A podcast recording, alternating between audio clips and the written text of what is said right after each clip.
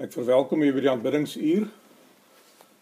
My gebed vir u is dat die Here vir u genadig sal wees en dat u 'n boodskap sal ontvang wat u siele behoefte aan het. Ek gaan u uitnooi kom ons raak 'n oombliekie stil terwyl ons die aangesig van die Here soek in gebed. Dierbare koning Jesus, ons het gekom by die aanbiddingsuur en dit is vir ons 'n voorreg om onsself voor u te verootmoedig. Here, ons wil graag voor u aangesig verskyn En terwyl ons boodskap gaan fokus op U wat onder ons kom woon het, is my gebed dat ons uh vir U 'n tuiste sal verskaf in ons lewens terwyl U sigbaar deur die Heilige Gees in ons lewens sal wandel. Seën ons nou vandag, seën elkeen wat opgekom het om U te aanbid. In Jesus naam vra ons dit. Amen.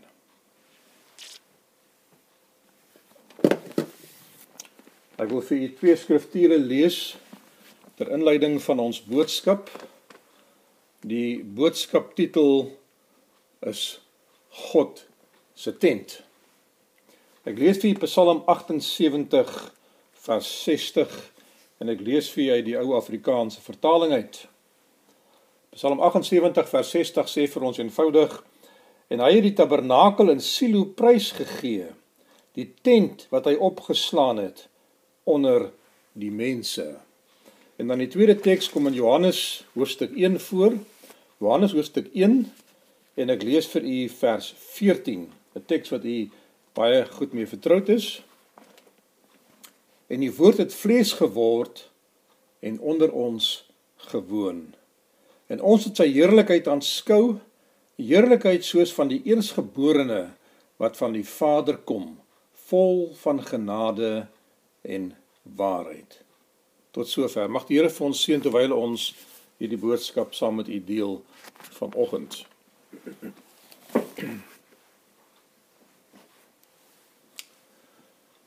Toe ons kinders klein was, het ons hulle geleer om te praat deur vir hulle uit die Bybelverhaal uit voor te lees. En ek onthou nog baie keer as ek en my vrou het beurte geneem in die oggend en die aand om vir hulle voor te lees. En ehm uh, op 'n stadium het daar 'n bietjie van 'n oneenigheid gekom onder die kinders want hulle sê pa se verhaal klink nie soos ma se storie nie.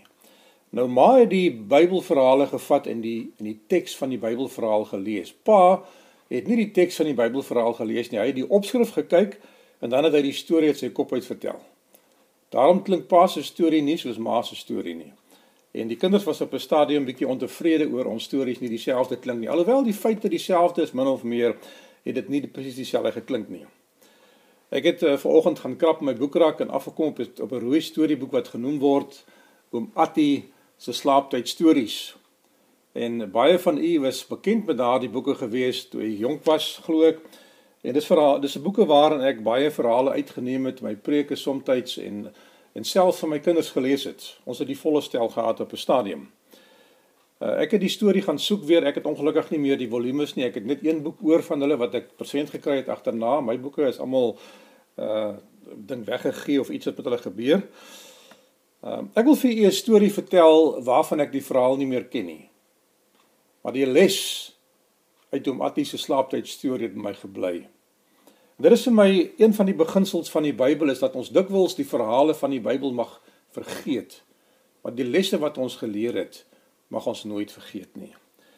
Uh so ek onthou net die prentjie en ek onthou dat daar twee seentjies in hierdie verhaal was en dat hulle in 'n hospitaalbed gelê het. En een van die seuns was klaarblyklik baie siek gewees en hy was eintlik terminaal siek gewees. Die dokters het verwag dat hy sal sterwe En ehm um, sy maatjie daarenteen was bietjie uh meer gesond geweest, hy was meer mobiel geweest, hy kon rondbeweeg en hy het dit 'n punt gemaak om om met die ander maatjies in die saal te gaan praat en hulle te bemoedig en met hulle vriende te wees. En uh hy het vir hulle vertel van Jesus. En dat Jesus in 'n mens se hart inkom. En hy het gesê dat dat as jong seuns moet hulle hulle harte vir Jesus gee.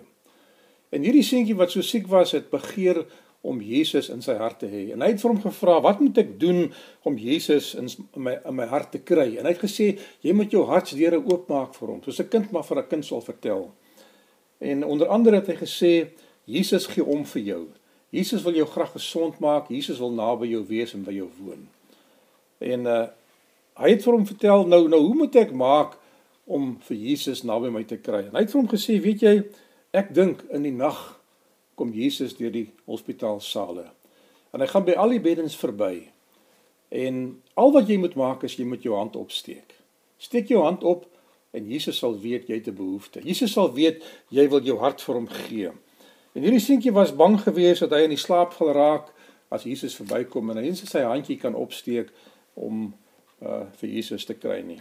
In die verhaal gaan sy gang. Ek onthou nie regtig die verhaal nie. Ek onthou die die les van die verhaal. Dis die les wat ek by u wil plaas.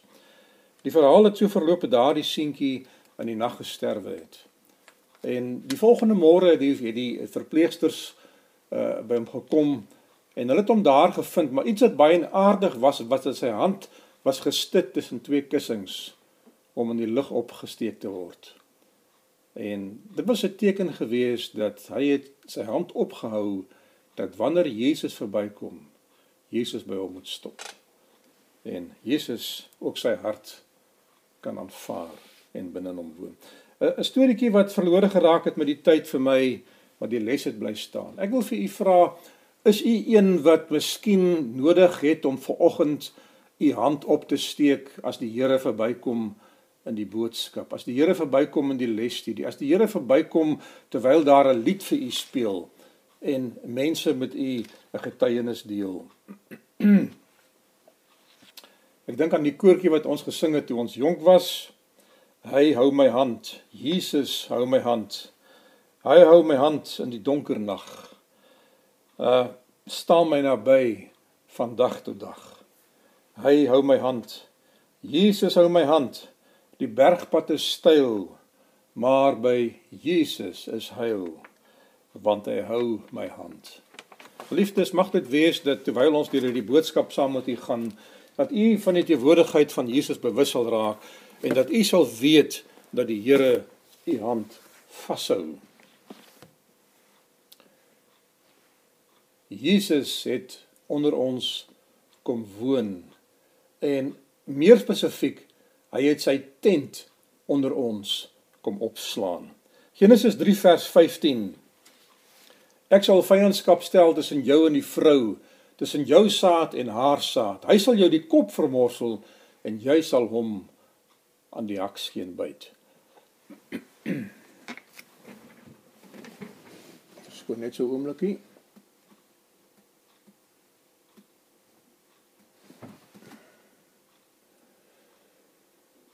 dink die probleem is opgelos.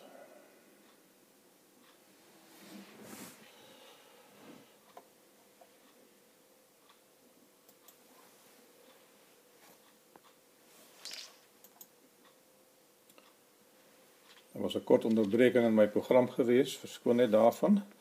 Ons gaan weer terug. Genesis 3 vers 15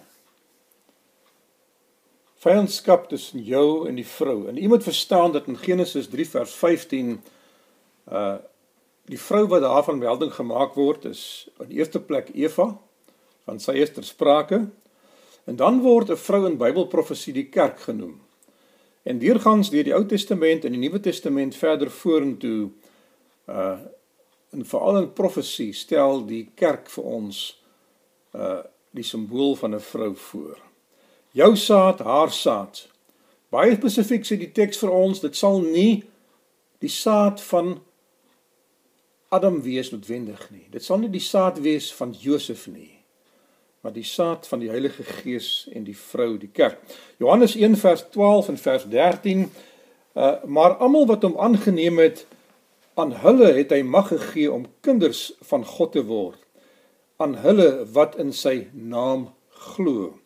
Vers 13 wat nie uit die bloed of uit die wil van die vlees of uit die wil van 'n man nie maar wat uit God gebore is. En nou die teks wat ek vir u gelees het uh vers 14 en die woord het vlees geword en onder ons gewoon en ons het sy heerlikheid aanskou heerlikheid soos van die enige geborene wat van die Vader kom vol genade en van waarheid tekste wat gelaai is met simboliek wat ons nie altyd verstaan nie die geboorteplek, die profesie voorspel die geboorteplek van Jesus baie duidelik vir ons.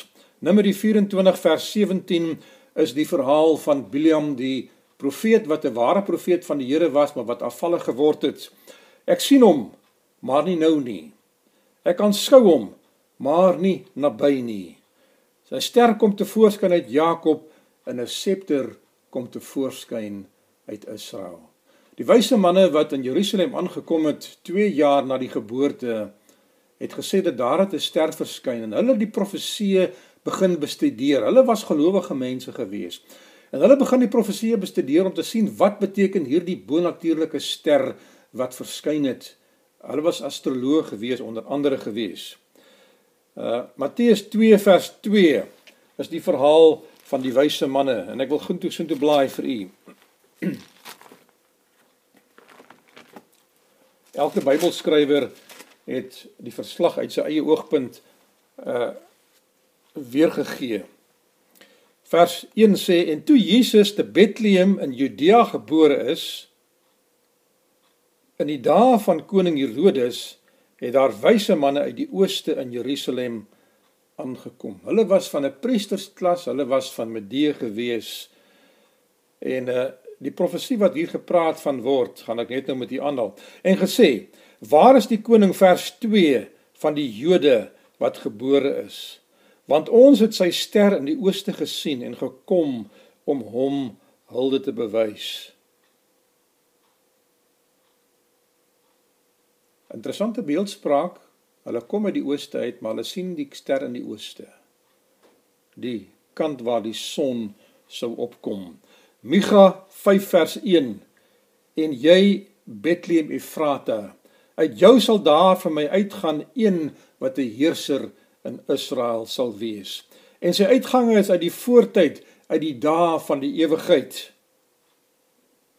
Matteus 2 vers 5 sê vir ons En hulle het vir hom gesê te Bethlehem in Judea, want so is daar in die profete geskrywe.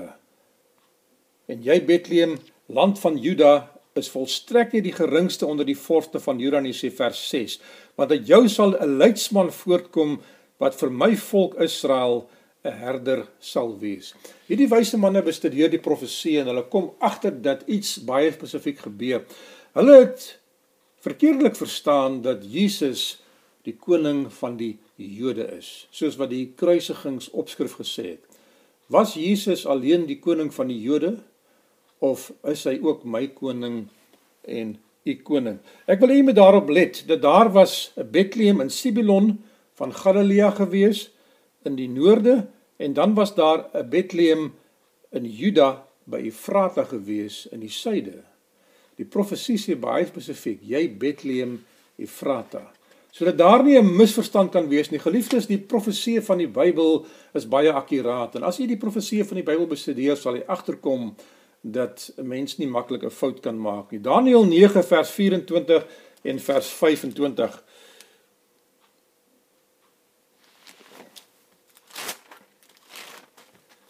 gaan graag vir julle lees. Hierdie praat van die oor die profetiese oorlosie waarvan ek in die lesstudie na verwys het.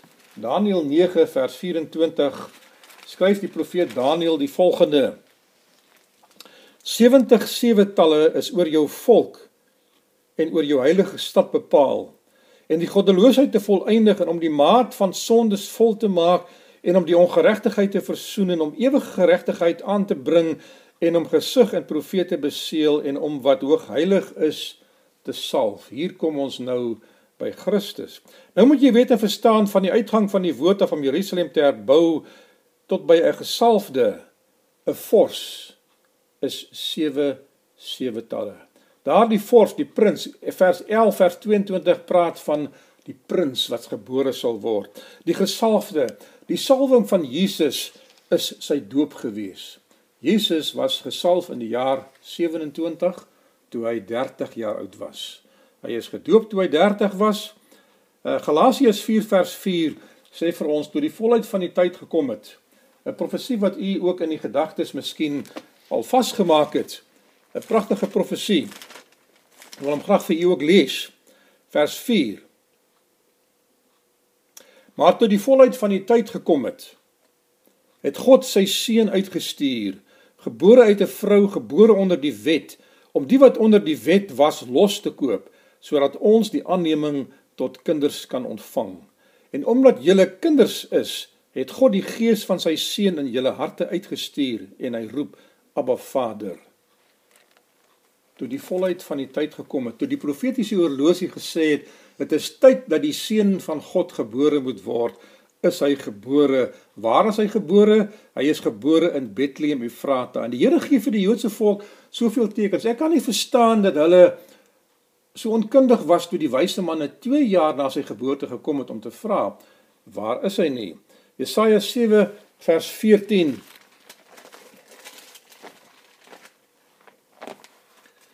'n profesie wat u ook miskien uit die hoof uit sal ken.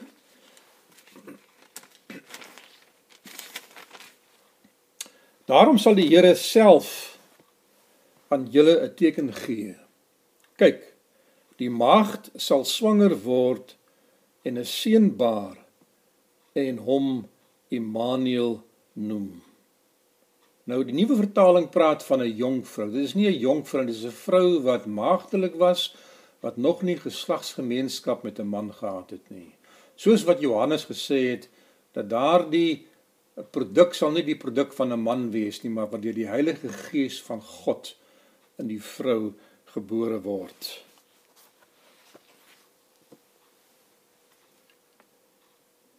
Lukas 1 vers 35 verskyn die engel aan Maria en hy sê daarom sal die heilige wat gebore word die seun van God genoem word.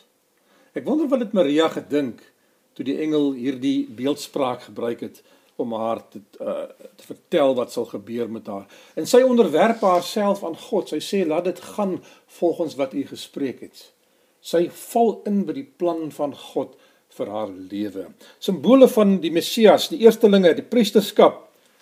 Deur die geslagte hier in die Ou Testament het die Here die priesterskap gebruik om die simbool te wees van Jesus wat later die priester van die menslike ras sou word. Ek het al van tevore met u gedeel uit die skrif uit dat daar twee persone is wat in die Bybel die seun van God genoem word. Dit is Adam, die seun van God volgens die geslagsregister in Lukas. En dit is Jesus, die seun van God. Hulle is die enigste twee wat soos ons sê vicarius kan wees wat verteenwoordigend was. Adam word as die hoof van die menslike ras beskou as die koning van hierdie wêreld as ek ons taal kan gebruik terwyl Jesus die tweede Adam is sê Paulus wat die koning van die heelal is en wat die plek van die eerste Adam moes kom vat. Net Adam kon vir die mensdom intree. En omdat Adam gesondig het as verteenwoordiger van die mens, het die hele menslike ras in sonde gedompel. Jesus kom as die verteenwoordiger van die menslike ras. Hy is die lam van God Hy tree in vir God en hy tree in vir die mens en dis 'n begrip wat ek later gaan verduidelik, weer 'n bietjie nader gaan bring na u toe. Net Jesus kan vir die menslike ras intree en die menslike ras die sonde kwytskel aan die kruis van Golgotha omdat hy die plek van die mens gevat het. Ek het al vir u gesê dat Jesus het nie die sonde afgeskryf nie. Hy het wel die prys betaal vir die sonde van die mens. Die tabernakelstelsel Eksodus 25 vers 8 gaan ons voort met die beeldspraak van Jesus, die tent van God wat onder die mense opgeslaan sou wees, sê die Bybel vir ons in hierdie eh, beeldspraak wat ek besig is om met u te deel. Eksodus 25 vers 8. Ook moet hulle vir my 'n heiligdom maak. Dieselfde woord wat gebruik word in Johannes 1 vers 14. Hy het onder ons kom woon. Hy het sy tent onder ons kom opslaan. Die tabernakelstelsel was dus 'n voorstelling van die vleeswording van Jesus. In die tabernakel wat 'n tent is waarin mense skuil, waarin God geskuil het in die Ou Testament, is 'n voorstelling van die menslike liggaam van Jesus terwyl hy op aarde mens was. God het in die menslike liggaam geskuil.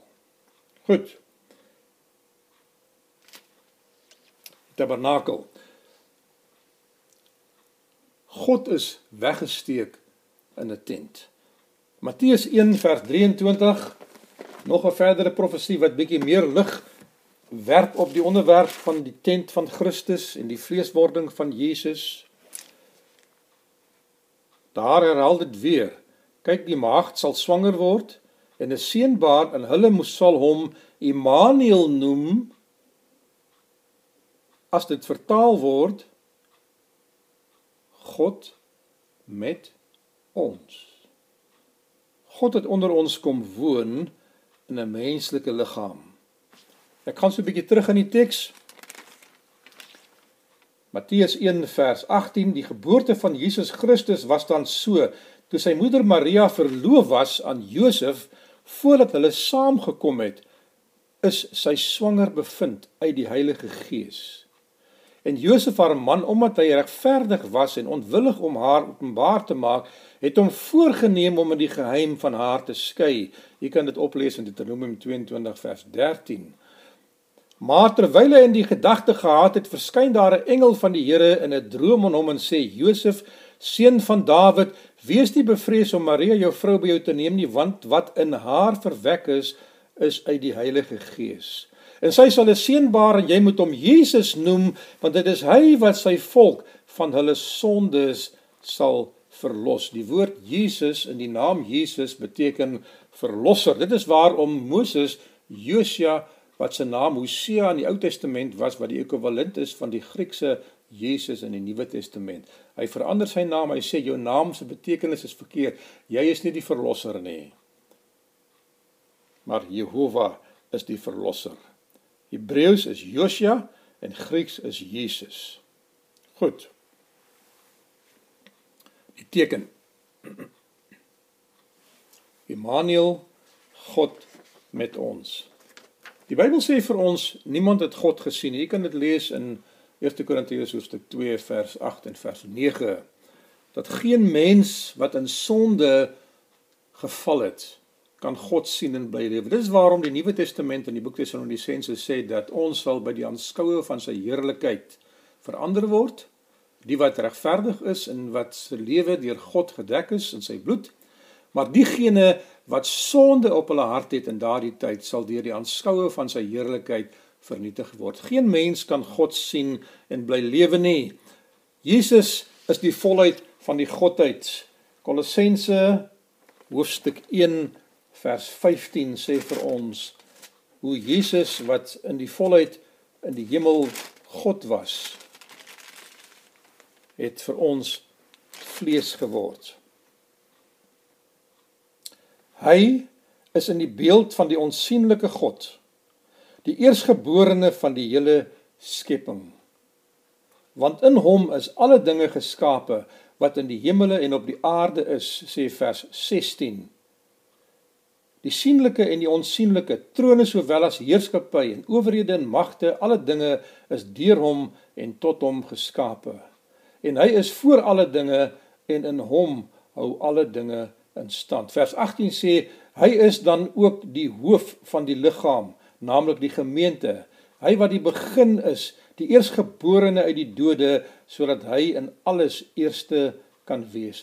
Nou al die eerstelinge, die priesterskap, die patriarge het daardie werk van Jesus voorgestel.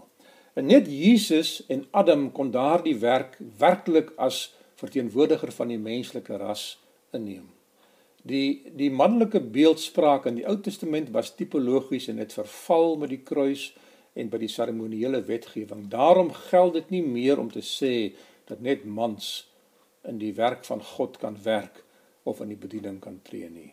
En dis 'n beeldspraak wat ek al met u gedeel het en ek kan dit met u deel weer as u belangstel om daardie studie ook te ontvang. Hebreërs 1 vers 3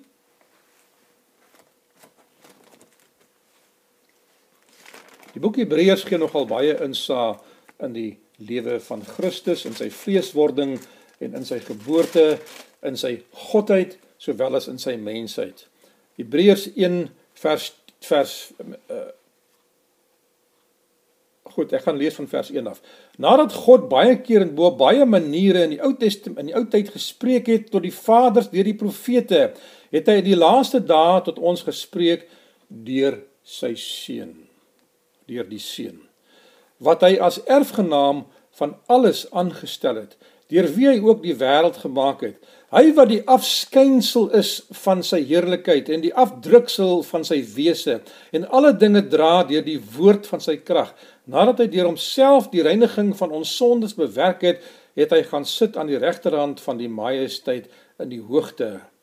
Terwyl hy soveel uitnemender geword het as die engele, naamlik hy 'n voortreffeliker naam geërf het as hulle.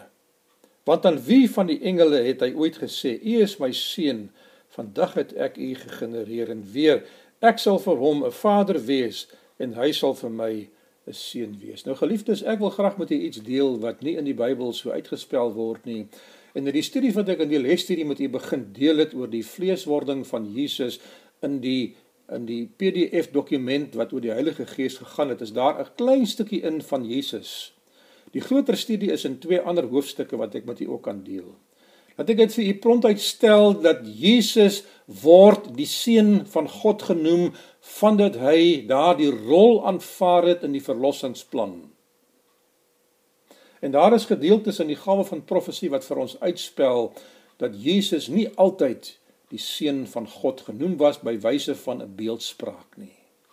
Jesus is God, soos wat die Vader God is en soos wat die Heilige Gees God is.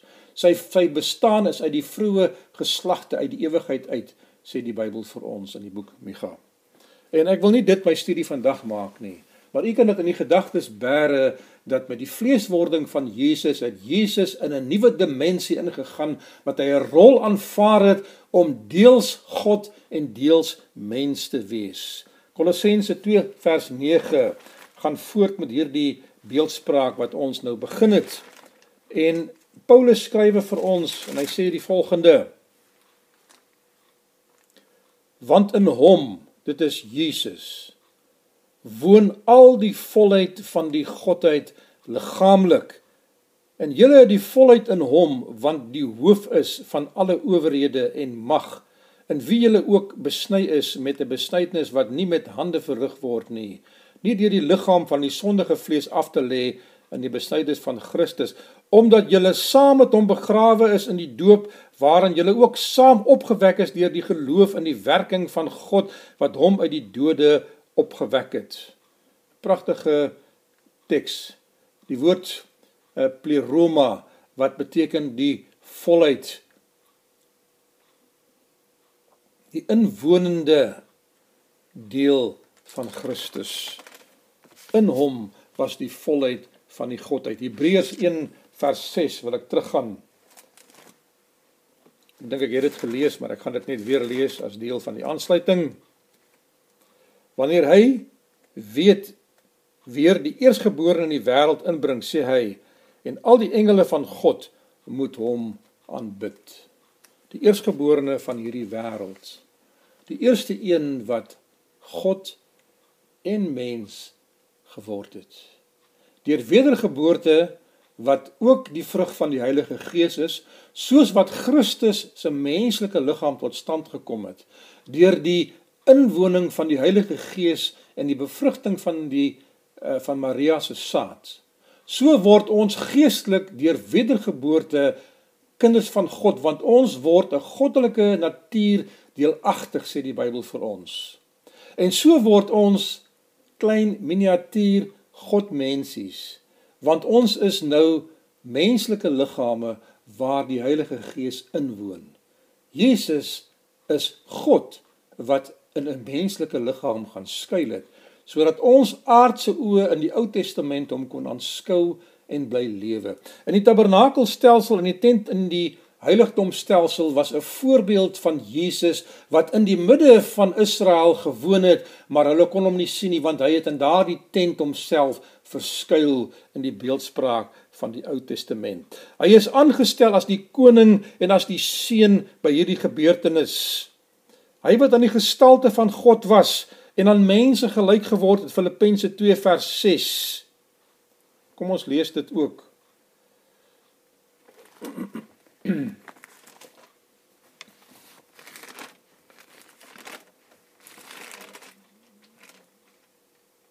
Hy wat in die gestalte van God was het dit geen roof geag om aan God gelyk te wees nie, maar in homself ontledig deur die gestalte van 'n dienskneg aan te neem. En die woord is eintlik 'n slaaf in die Griekse teks. En aan mense gelyk te word en in gedaante gevind as 'n mens, het hy homself verder verneder deur gehoorsaam te word tot die dood toe, ja, die dood van die kruis. Die die, die Griekse taal is 'n mooi so 'n mooi taal. In 'n gedaante gevind hierdie hierdie beeldspraak beteken mense ontdek hom daar in die menslike liggaam. Hulle ontdek God in die menslike liggaam waar hy in die aardse tent in die tabernakel skuil. Hy het 'n uiterlike vorm gehad wat aanskou was, 'n beeltenis wat ons kon sien. Terwyl die Bybel sê niemand kan God sien nie. Ons sal God weer aanskou en sien eendag. Die misterie van die vleeswording, volkomme mens, volkomme God. Kan ek dit verduidelik vir u? Ek gaan nie probeer nie.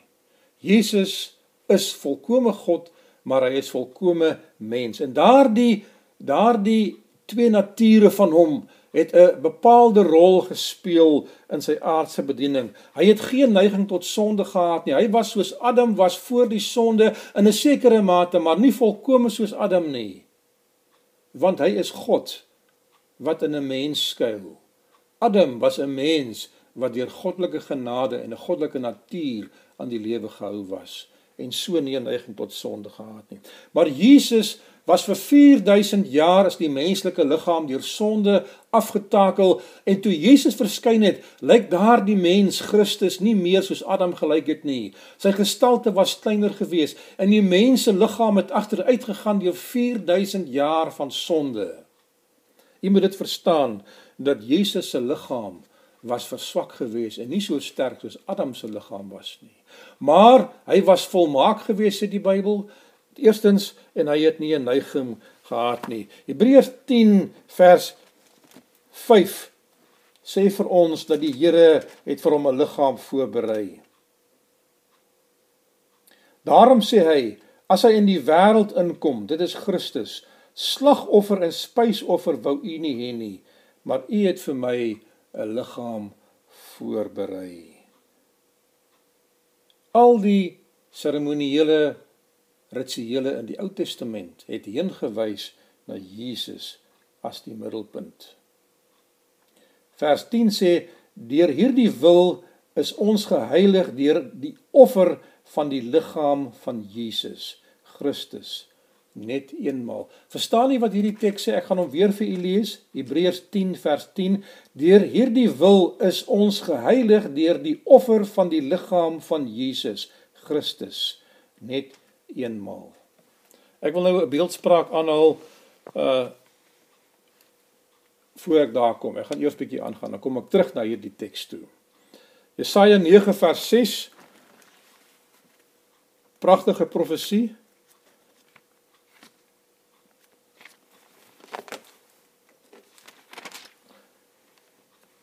Want 'n kind is vir ons gebore. 'n Seun is aan ons gegee. Die heerskappy is op sy skouer en hy word genoem wonderbaar, raadsman, sterke God, ewige Vader en vredevors. Geliefdes, ek kan nie verstaan dat daar 'n beweging is wat tans die godheid van Jesus bevraagteken nie. Wat sê hy het 'n bestaan gehad, hy het 'n oorsprong gehad.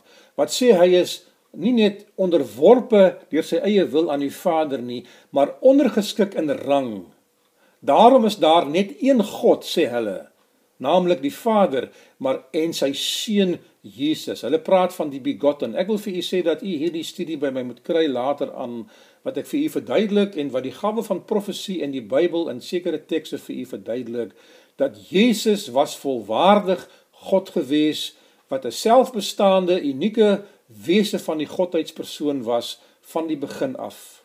Hy het 'n rol aanvaar in 'n sekere tydstip in die wêreld waar hy homself soos die mens aan God onderwerp het met bepaalde doel. 'n Kind is vir ons gebore. Die enigste plek waar Jesus 'n kind genoem word, al die ander plekke word hy die seun van God genoem. En ek het al vir van tevore gesê in 'n studie in die lesstudie dat Jesus word nie die kind van God by wyse van hierdie taal genoem nie maar die seun van God wat 'n bepaalde simboliese rol is. Jesus word 'n seun van God by wyse van 'n simbool. Hy is nie soos hierdie dwaalleraars tans leer die letterlike en ek ek, ek wil dit nie eers uitspel nie, kind van God nie. Hy het nie uit God voortgekom soos wat die mens uit 'n vrou gebore word en voorkom nie. Dit is 'n studie vir 'n ander dag wat ek met u gaan deel. Ek gaan hierdie hele reeks uh vir u op video sit sodat u dit kan saam met ons deurgaan. Hy het vir hom 'n liggaam voorberei. 'n Kind is vir ons gebore, sê die profesie vir ons. Afhanklik van sy hemelse Vader. Hy hou gemeenskap met sy hemelse Vader. Hy het geen krag van homself gebruik. Hy het nie sy goddelike krag gebruik om homself te red nie. Hy het nie sy goddelike krag gebruik vir sy eie lewe nie. Hy het dit wel aangewend om die mensdom te bedien en om sy godheid te bewys toe dit nodig was in die verhaal van Lazarus. Hy het nie alles geweet as kind nie. Hy het geleer van sy moeder, sê die boekie Koning van die Eeue vir ons. Hy het opgegroei tot 'n volle grootte. Dis al wat die Bybel vir ons sê van sy kinderlewe in volmaaktheid. En hy het 'n plek bereik, sê Koning van die Eeue, waar hy besef het dat hy is die Messias waar hy 'n gewaarwording gekry het. As mens het Jesus soos 'n mens groot geword totdat hy daardie goddelike rol aanvaar het waar hy 'n dubbele rol moes speel. Johannes 1 vers 29. Ek wil terugkom na Hebreërs 10 vers 10 toe. Deur die wil is ons geheilig deur die offer van die liggaam van Jesus Christus net eenmaal. Wat sê die teks? Johannes 1 vers 29 uh twee keer na die doping van Jesus. Toe Jesus 40 dae na die die woestyn ervaring terugkom, sien Johannes die doper hom. En hy sê daar is die lam van God wat die sonde van die wêreld wegneem. Ek wil nou twee dinge in die gedagtes plaas. Dit kom in 'n ander studie voor, maar ek wil dit terloops vir u onderliggend in hierdie studie sê. Daar is die lam van God. God, die drie-enige God, die Vader, die Seun en die Heilige Gees. God is onsterflik. God kan nie sterf nie. Jesus in sy goddelike natuur kan nie sterf nie. Daarom het hy 'n menslike liggaam nodig om te kan sterf in die plek van sy goddelike natuur. Jesus se menslike liggaam is die lam wat in die plek van God die Vader en in die plek van God die Seun en in die plek van God die Heilige Gees sterwe omdat God die enige God nie kan sterf nie. Maar Jesus se menslike liggaam is ook die lam van God wat in die plek van die mens sterwe want die mens kan vir homself nie sterwe nie. So die menslike liggaam van Jesus sterwe in die plek van die godheid en hy sterwe in die plek van die mensheid.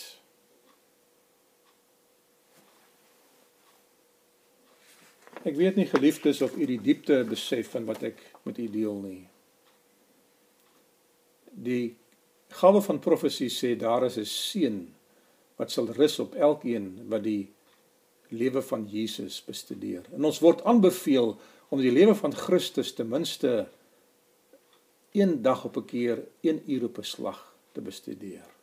En dit sal vir u geweldige waarheid inhou. Die volheid van die tyd, die profetiese horlosie Galasiërs 4 het ek reeds vir u gelees, Daniël 9 het ek reeds vir u gelees. Toe die volheid van die tyd gekom het, is Jesus gebore uit 'n vrou. Gebore onder die wet om die wat onder die wet was los te koop. Sodat hy daardie profetiese rol kon vervul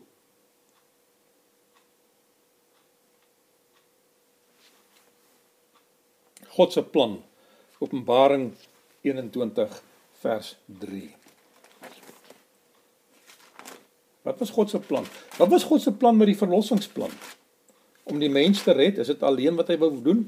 Ek wil ek wil vir iets in die gedagtes plaas en ek lees iets in die Bybel in as gevolg van die jarelange studies wat ek gedoen het in die godheidsleer. Ek vermoed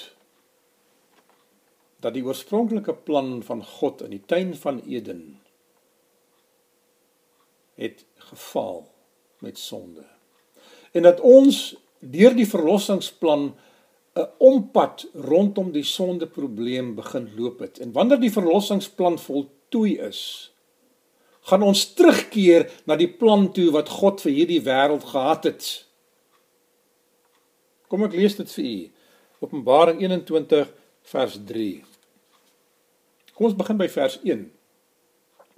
En ek het 'n nuwe hemel en 'n nuwe aarde gesien, want die eerste hemel en die eerste aarde het verbygegaan en die see was daar nie meer nie. En ek Johannes het die heilige stad, die nuwe Jerusalem sien neerdal van God uit die hemel toeberei soos 'n bruid wat vir haar man versier is. En ek het 'n groot stem by die hemel uit hoor sê, kyk die tabernakel die tabernakel die tabernakel van God is by die mense. Die boek Johannes, die boek Jesaja, die Psalm het ek vir u gelees dat Jesus het sy tent onder ons kom opslaan en in daardie tent kom woon. Die tent is die voorstelling van die menslike natuur van Jesus en die menslike liggaam van Jesus. En hy sal by hulle woon sê vers 3 en hulle sal sy volk wees en God self sal by hulle wees as hulle God. Met ander woorde, Jesus neem die regmatige plek in wat hy as God het. En hy word aangestel as die heerser van die heelal en dit lyk vir my of hy op hierdie aarde saam met ons gaan kom woon. Die boek Jesaja, ek kan nie ek kan nie nalat Ek wil voor ek daar gaan Openbaring 22 vers 22 moet ek ook eers vir u lees voor ek na die boek Jesaja toe gaan, maar u kan so lank na die boek Jesaja toe blaai.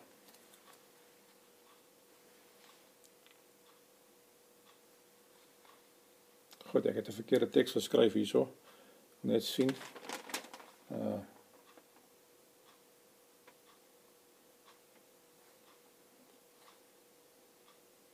Goed, dit is Openbaring 21 vers 21 En die 12 poorte was 12 parels. Elkeen van die poorte was uit een parel. En die straat van die stad was suiwer goud soos deurskynende glas.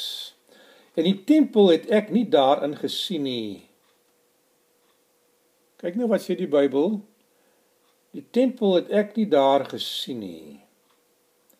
Want die Here God, die Almagtige, is sy tempel, die lam. Die tabernakel beeldspraak van die Ou Testament waar God homself kom vestig het deur sy vleeswording onder ons mense sodat ons sy heerlikheid kan aanskou en kan bly lewe en deur hom verlossing kan ontvang. In die Nuwe Testament beeldspraak sê hy dat hy is nou die tempel. Die tabernakel, die tempel, die kerk stel Jesus se liggaam voor. Dis waarom hy die hoof van die kerk is en ons is die liggaam van die kerk. Kom ons gaan na die boek Jesaja toe en ek wil graag daar die afsluiting van hierdie boodskap met die deel.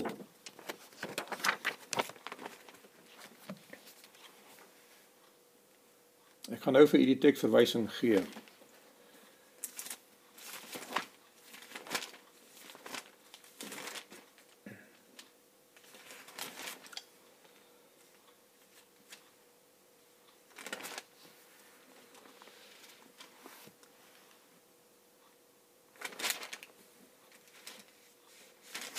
'n bietjie geduldig wees. Jesaja 65 vers 17. Daar is baie tekste wat hierdie selfde sê. Kyk, ek skep 'n nuwe hemele, meervoud, jy moet daarop let in die boek Genesis hoofstuk 1.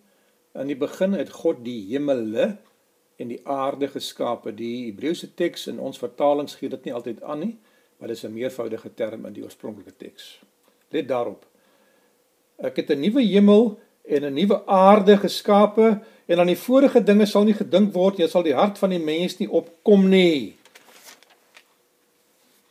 En nou gaan hy verder voor en hy sê en hulle sal huise bou en bewoon en wingerde plant en die vrug daarvan eet. Hulle sal nie bou dat 'n ander dit bewoon. Hulle sal nie plant dat 'n ander dit eet nie, want die dae van my volk sal wees soos die dae van die bome.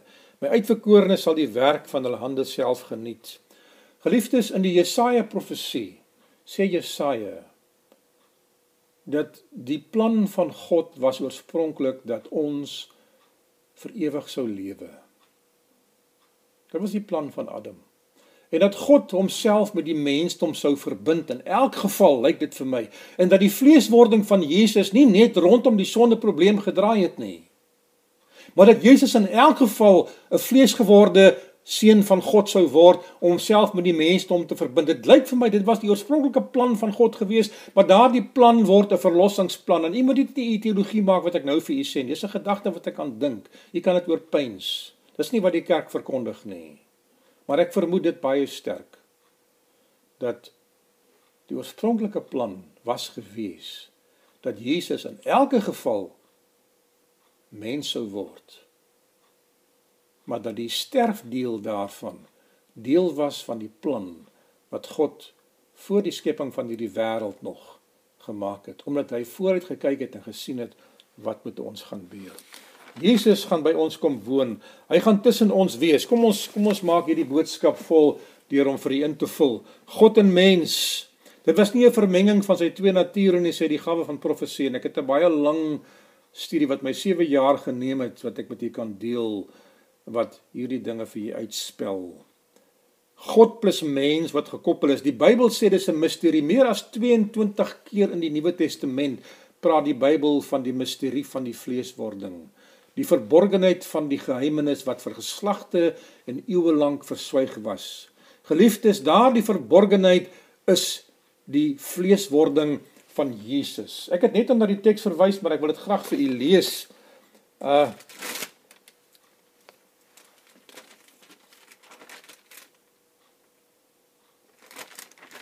Goed, ek wil net seker maak waar ek nou is. Hou net so 'n oombliekie aan.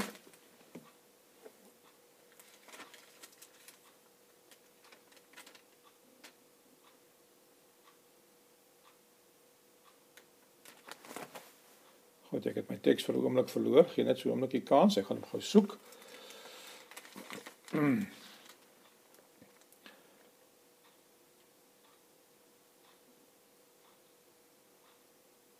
Goed, ek gaan dit nie nou daar kry nie. Verskoon, soms raak my gedagtes weg terwyl ek praat. Die Bybel sê in die boek Korintiërs wat die oog nie gesien en wat die oor nie gehoor het en in die hart van die mens opgekom het nie. Dit het God vir ons voorberei. Ek het al vir u baie gesê dat dat hierdie teks praat nie van die hiernamaals nie. As jy die konteks lees in die hoofstuk, praat dit van die vleeswording van Jesus. Niemand het God gesien nie. Dit wat niemand gesien het nie, naamlik God, het God vir ons voorberei deur die vleeswording van Jesus. Jesus moes ervaring opdoen as 'n mens om as hoëpriester te kan optree. Ek het dit nie vir ingesit nie. Ek dink dit is Hebreërs hoofstuk 7. Ehm uh, as ek vinnig daaraan kan dink. Dit mag verkeerd wees.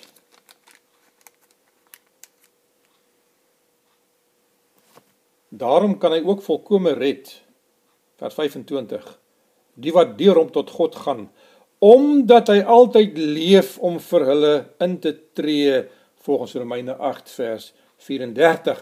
Want so 'n priester was ons gepas, een wat heilig, onskuldig, onbesmet, afgeskeie van die sondaars is, wat hoër as die hemele geword het, wat nie elke dag nodig het soos die priesters soos hoëpriesters om eers vir sy eie sondes offers te bring en dan vir die van die volk nie, want dit het hy net eenmaal gedoen toe hy homself geoffer het.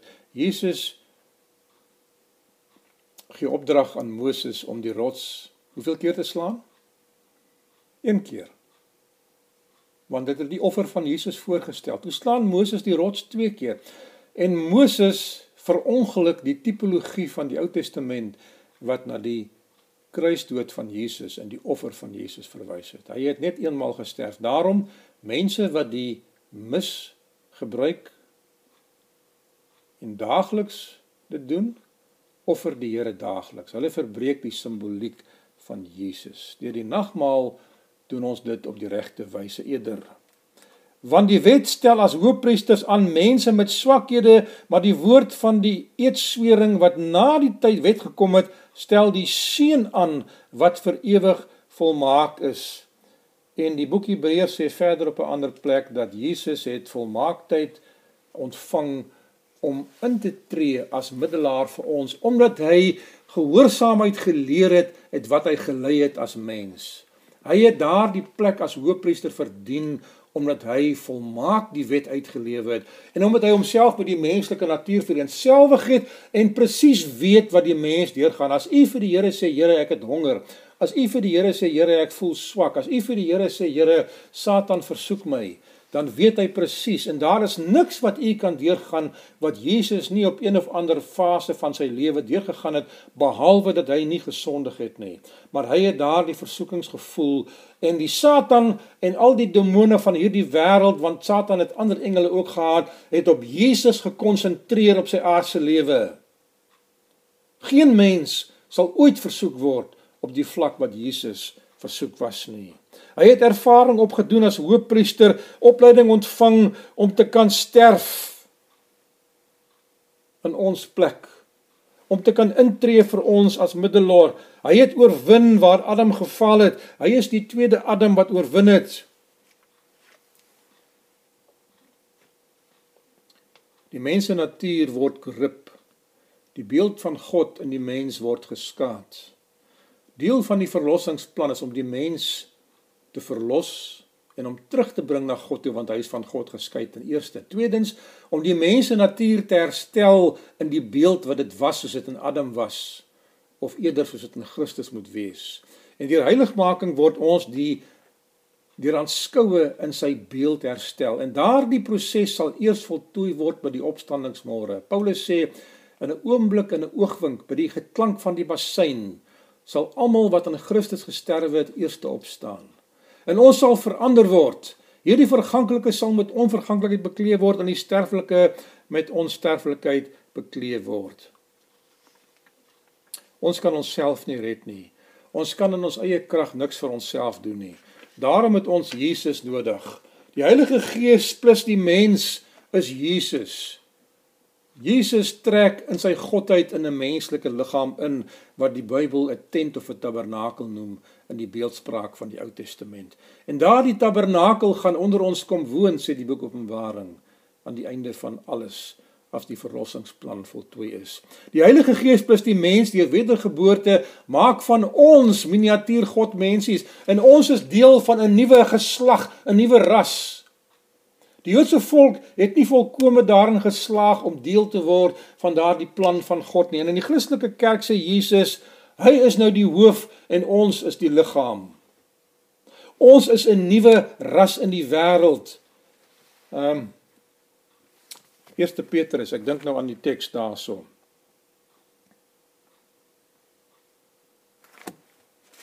Ek het so 'n bietjie kans, ek gaan gou so om te blaai. Vers 9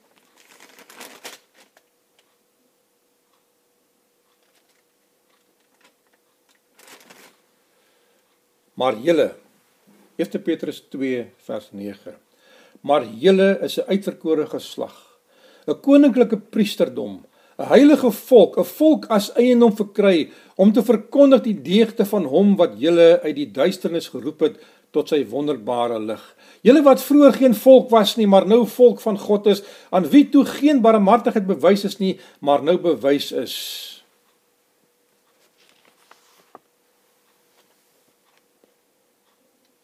Elke dag word ons die goddelike natuur deelagtig, bietjie vir bietjie, en ons word verander om soos Jesus te lyk. En ons word wedergebore deur die Heilige Gees. En ons kry die goddelike natuur deelagtig sodat die goddelike natuur die menslike natuur kan beheer en kan beheers. En so word ons uniek in die heelal.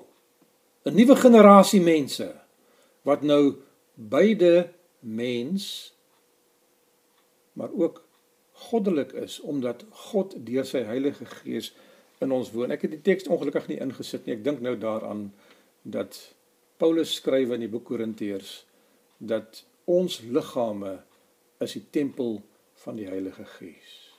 En hy sê op 'n ander plek dat ons deur wedergeboorte 'n nuwe skepsel is. In die in die taal is 'n nuwe skepping.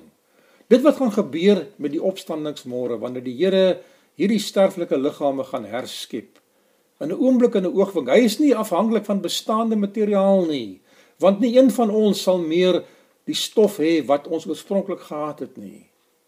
God gaan 'n wonderwerk doen. So wat hy 'n wonderwerk gedoen het met die skepping van Adam, gaan hy vir ons doen. Geliefdes, ons is verloste mense, ons het 'n verlossingsstatus deur Jesus verkry. Ons natuur word verander deurdat ons heiligmaking ervaar en ons liggame sal verander word by die opstandingsmôre wanneer ons van gedaante verander sal word. God werk met ons. Jesus gaan vandag by u verby. En in die beeldspraak van daardie seentjie op sy bed wat nie wou gehad het dat Jesus verby moet gaan en nie by hom stop nie, het hy sy handjie opgesteek om te sê, Here, stop by my. Ek wil my hart vir U gee. En hy het daardie hand van hom vasgepak tussen die kussings en terwyl hy die asem van die lewe uitgeblaas het, het sy hand bly staan as 'n simbool dat wanneer Jesus verbykom, Jesus ook by hom moet stop.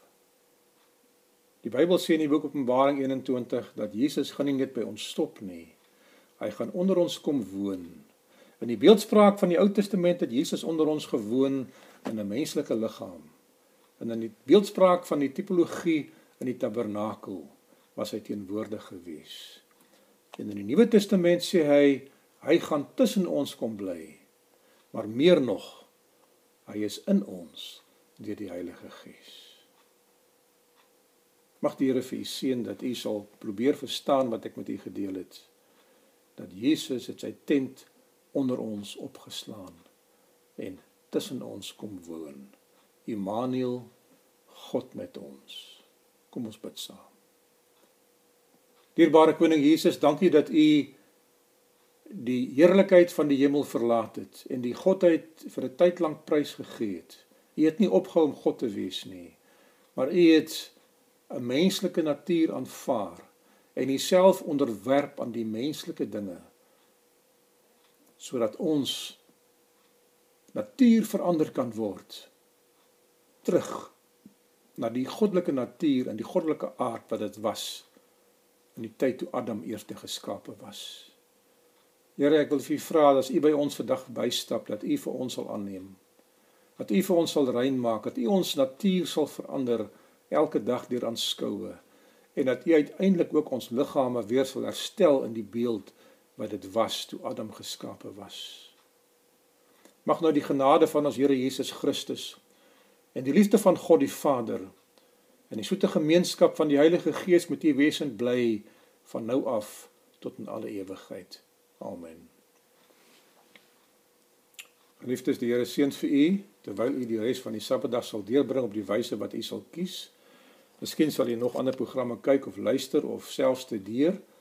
Ek wil vir u weer eens aanmoedig dat u in hierdie dag 'n tyd sal neem waar u die Here sal aanbid, dat u formeel voor die Here sal kniel en u hart voor hom sal uitstort. Dat u die woord sal oopmaak en sal lees vir uself en nie net gevoed word deur die dinge wat op die media vir u aangebied word nie.